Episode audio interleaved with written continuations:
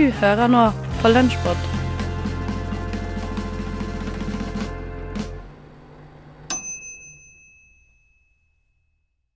Det var Frans Schubert med 'Svanensang'. Og vi har fremdeles besøk her på tekstbehandlingsprogrammet på Radio Nova av Gine Cornelia Pedersen og boka hennes 'Vår i det hinsidige'. Ja. Og i den boka så har jo Gud fått ganske stor plass. Ja. Eh, hovedkarakteren vår tenker veldig masse på Gud. Eh, og er veldig opptatt av at Gud ser henne. Hva slags plass har Gud for deg, skulle jeg til å si? Det er jo et veldig personlig spørsmål, um, som det er vanskelig å snakke om i sånne korte trekk på radio. Ja. Men um, jeg syns det er et veldig Jeg syns Gud er det mest spennende mysteriet i verden, eh, for å si det sånn. Mm. Det er et uh, utømmelig mysterie som jeg aldri blir lei av å studere. Mm, det er jo ganske stort å ta tak i i en roman også. Ja. er Spørsmålet om Gud. Hun tviler jo litt også, hun vår. Ja. Det er jo veldig vanlig med barnetro. Veldig mange barn eh, virker som trenger den, eh, den enkle gudstroen. Da. Den som eh, man kan kjenne igjen fra skolekirken og, og religionsundervisningen. Eh, vi hadde veldig mye kristendom. Det het jo det faget da, da jeg gikk på skolen. Vi hadde det veldig mye. Og jeg syntes det var så spennende historier i Bibelen. Og jeg hadde en venninne som eh, hadde foreldre som var misjonærer. Så jeg ble veldig kristen da jeg var liten. I en sånn type konservativ forstand, da, eller hvor Gud er en, en mann i himmelen som du ber til, og Jesus også er det. At de er personer. Um, og så må jo det selvfølgelig Eller det er jo ikke sikkert de gjør det for alle, men for meg raste jo den troen da jeg ble eldre og begynte å stille spørsmål til ting. Uh, Så den har vel endret seg veldig. Uh, Og jeg har absolutt ikke oppvokst i noen spesielt troende familie. Så jeg fikk jo litt kjeft hjemme. Da du var barn. jeg ville liksom gjerne be bordbønn og sånn. Mm, Mm. Det syns mamma og pappa var veldig slitsomt da. De var sultne. De var sultne og syntes jeg var veldig prektig og irriterende, liksom. Eh, Fikk du ikke lov, da? Jo, jo. De var sånn ja ja, vi må bare det. Og jeg spurte mamma en gang om hvorfor hun alltid gikk på den brede stien og ikke den smale og sånn.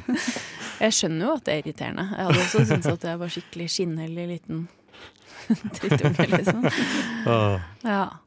Men eh, ja, nei, jeg Jeg syns det er eh, Jeg klarer ikke å si noe mer om det enn det, kanskje. Mm. Nei. Mm. Men eh, det slo meg da jeg leste boka Mm. du har, Det er små tall øverst Ja. um, ved hvert slags kapittel. Mm. Og for meg, det minte meg litt om bibelvers, egentlig. Ja. Er det noen spesiell tanke bak det, eller hva mener du med det? Mm, jeg syns den nummereringen er veldig fin. Mm. Den, det var morsomt at du sa det. Jeg Mm. tenkte at ingen kom til å legge merke til det. Men jeg la også merke til at det går fra én til ni, og så begynner det på nytt igjen på én. Ja. For at jeg forventa meg at det skulle gå med tall ut i evigheten, og så var jeg sånn Nei, men nå er jeg på tre igjen. Mm. Og så begynte jeg å bla og undersøke, og så oppdaga jeg at det var fra én til ni. Og så startet det fra én til ni, men på slutten så går det videre og til ti og elleve. Mm. Hva, hva er det som skjer der? Det er en hemmelighet. Er det sant? Ja. Hva spennende. Det er altså nok, nok et mysterium. Mm. Mm. For hun vår snakker veldig mye om det hinsidige, så jeg begynte å tenke litt sånn Er det en slags At det stopper opp, og så blir det et slags møte med noe hinsidig, eller noe Så spennende tanker. Ja, Kan, kan det være en absolutt. tolkning? Det er, er din tolkning. Foretrekker du å skrive der lytteren, nei, leseren uh, kan tolke selv historien? Jeg liker å legge inn hemmelige koder. Mm. Nå kommer jeg til å gå tilbake og se og lese og se om jeg klarer å tolke. Fordi det er en kode, eller er det tilfeldig? Det er en hemmelighet. Det er en hemmelighet. Det er et mysterium. Jeg, jeg, jeg liker veldig godt uh, Murakami. Han skrev en bok som het 'Kafka på stranden'. Ja. Som er veldig sånn han, Jeg tror han skrev Han svarte på over 1000 spørsmål fra lesere. Oi. For folk hadde så mye spørsmål. Ja. Og så ga han Han sa at koden for å forstå hele er å lese den flere ganger. Mm. Ja. Og det er litt sånn som uh, David Lynch lager filmer som man må tolke. Ja. Hvor det til og med er små hint i DVD-boksen. Mm. Så jeg, jeg syns det er noe det er, noe det er noe spesielt ved å på en måte skulle løse noe. Det er ikke sikkert man gjør det. Klarer det. Nei, det er ikke sikkert jeg er tror, meningen. jeg tror man klarer å løse det. Absolutt at man klarer å løse det. For jeg, jeg tror at David Lynch sine koder ikke nødvendigvis har ett svar. Mm. Uh, og jeg tenker det samme med de fleste sånne kodede ting. Hvis ikke det er Shakespeares verker, da, selvfølgelig, som allerede er dekodet av en organist fra Holmgol. Men eh, det er noe med det å søke selv. Eh, og hvis man virkelig er interessert og nysgjerrig, så finner man ut av det. Det er ikke så mystisk, men ja. Alt, i hvert fall. Mm. Mm. Du har valgt en uh, siste låt for oss, og det, den skiller seg litt, fordi det er noe helt annet enn det vi har hørt før. Hva er det vi skal høre nå? Son of a preacher man. Som eh, mm, Den er fin. Dusty. Springfield. Yes. Tekstbehandlingsprogrammet kan du høre hver onsdag mellom 10 og 11 på Radio Nova. FM 99,3. Da jeg starta med det programmet, så eh, begynte jeg å gjøre, da jeg begynte å gjøre litt research, og så eh, eh, kom jeg på at både 'Sult' og 'Karens jul', novelle av Amalie Skram, finner, eller har, befinner seg på et eller annet tidspunkt på Vippetangen og Langkaia. På sånn, Hva skjedde på den perioden da de, de to tekstene ble skrevet? da? Eh, og det var en ekstremt storstilt urbanisering av Oslo. Det, byen gikk fra veldig få mennesker til eh, kjempemange.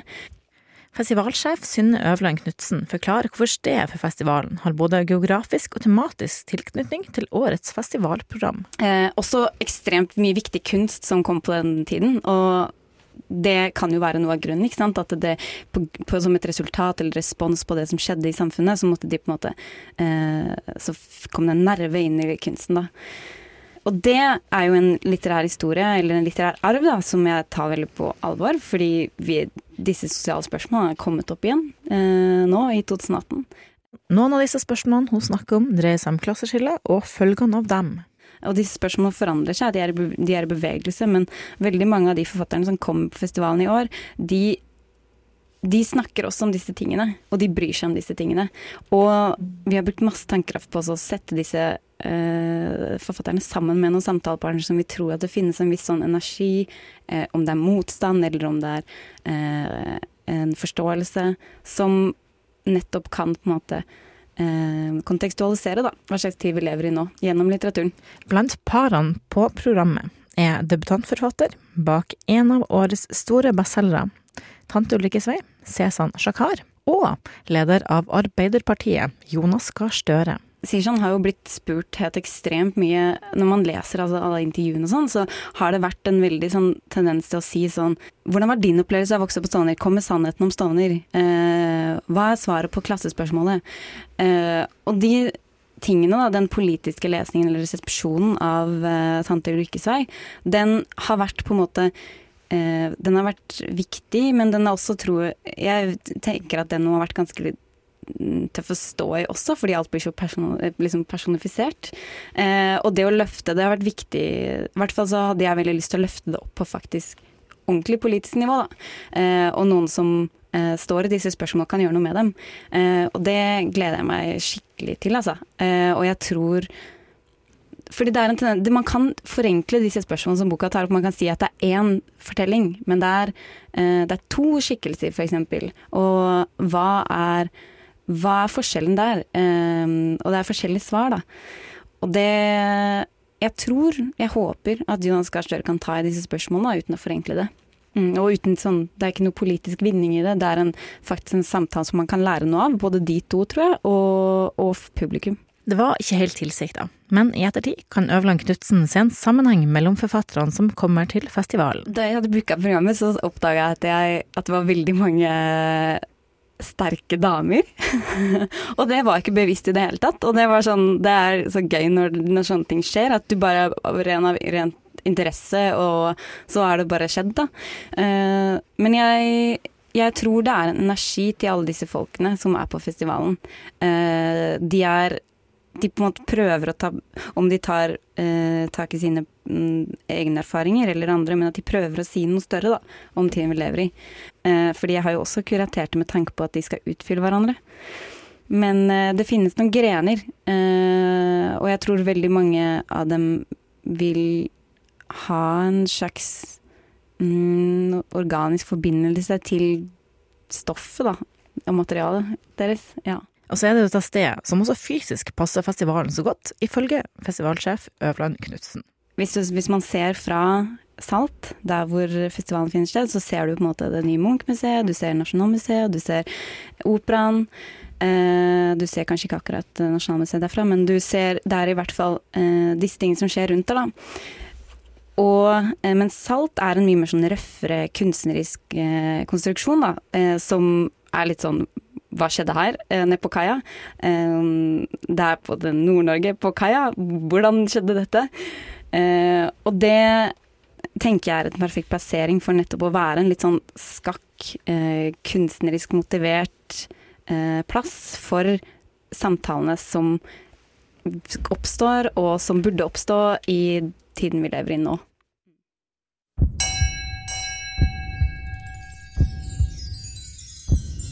Ukas opplysning.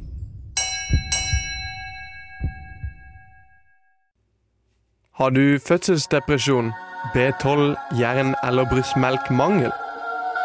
Eller kanskje lever du bare av å få oppmerksomhet? Da kan det å spise morkaker kanskje være en greie for deg. Kanskje.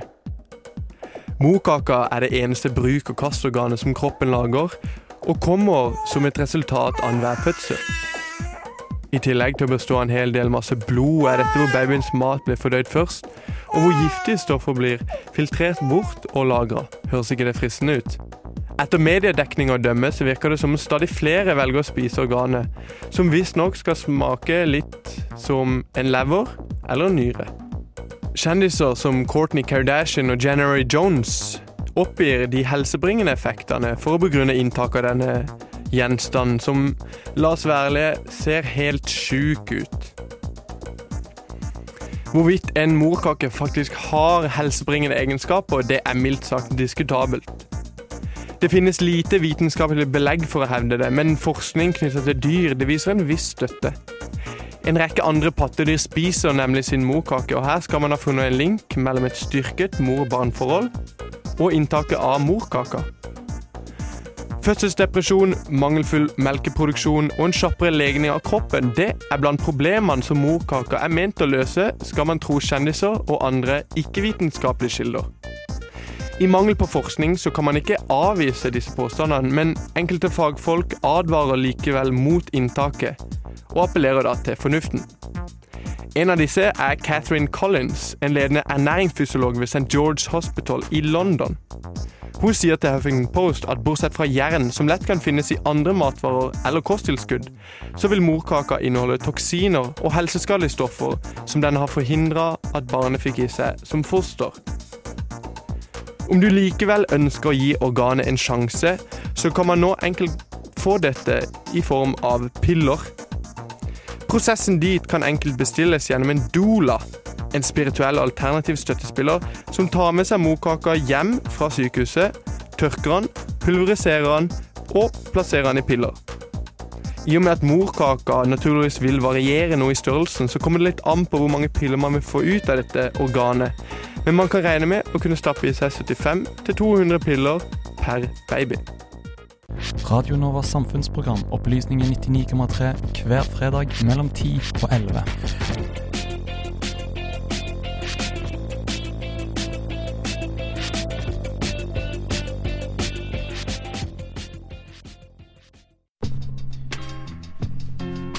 alt jeg trenger om morgenen, er en kopp kaffe og frokost.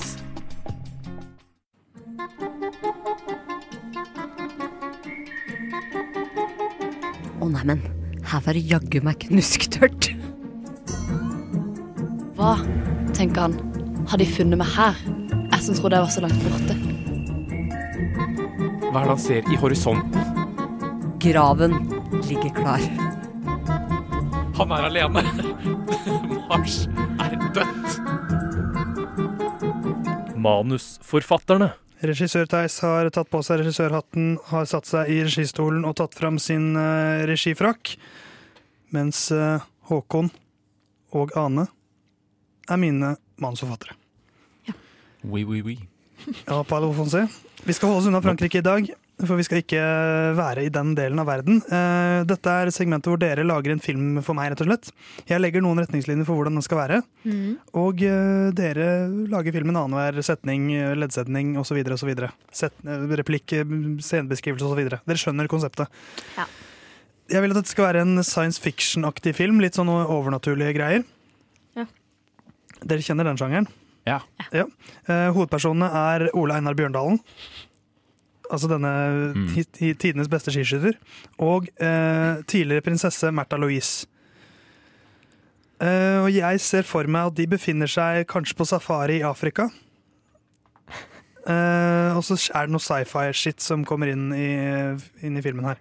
Så Märtha Louise, Ole Einar Bjørndalen på safari i Afrika, sci-fi. Eh, Håkon, du kan begynne action. Nei, Ole Einar! Ikke skyt apen! Det er eh, litt seint. Det er allerede borte, altså. Det var veldig bra skudd, da. Tu- Tusen, tusen takk. Ja, Men, hva, eh, men, hva, hva, eh, hva skal vi gjøre nå? Jeg vet ikke. Turlederen vår er borte. Ja, Hvor blei det av han egentlig? Skulle jo bare pisse. Uh, Mutte må base en fase, jeg vet ikke hvor han blei av. Jeg, jeg roper navnet hans. Mutte på fase, fase! Mutte fase! Nei, eh, se, se, se, se der på, på himmelen. Hva, hva faen er det? Det er en engel. Og hun kaller på meg. Å, herregud! Reine! Märtha, Märtha, du ser syner. Det er ikke det, det er ikke en engel. Det er eh, Det er Darth Vader. Det er Darth Vader. Darth Vader?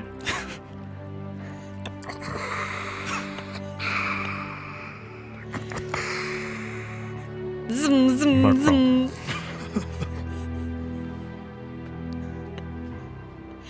Ja, Hva der, sier Darth? Vader. Ja, Darth Vader.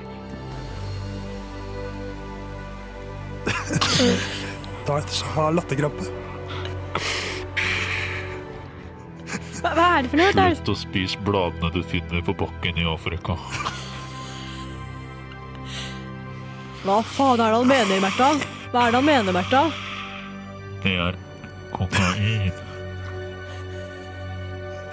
Kjent for å vokse i Sør-Amerika, men også i Afrika. Ikke, ikke, ikke hva, Hvorfor gjør du sånn? Jeg fikser. Klimakset i filmen nå.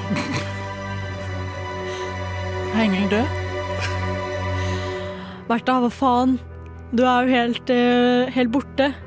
Hvor, hvor, mye, hvor mange blader er det egentlig du har spist?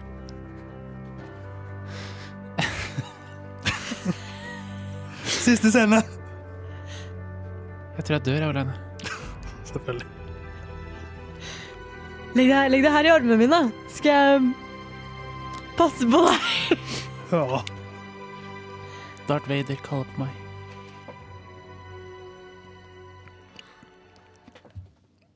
Hvil i fred, eh, Märtha. Hva heter filmen, Håkon?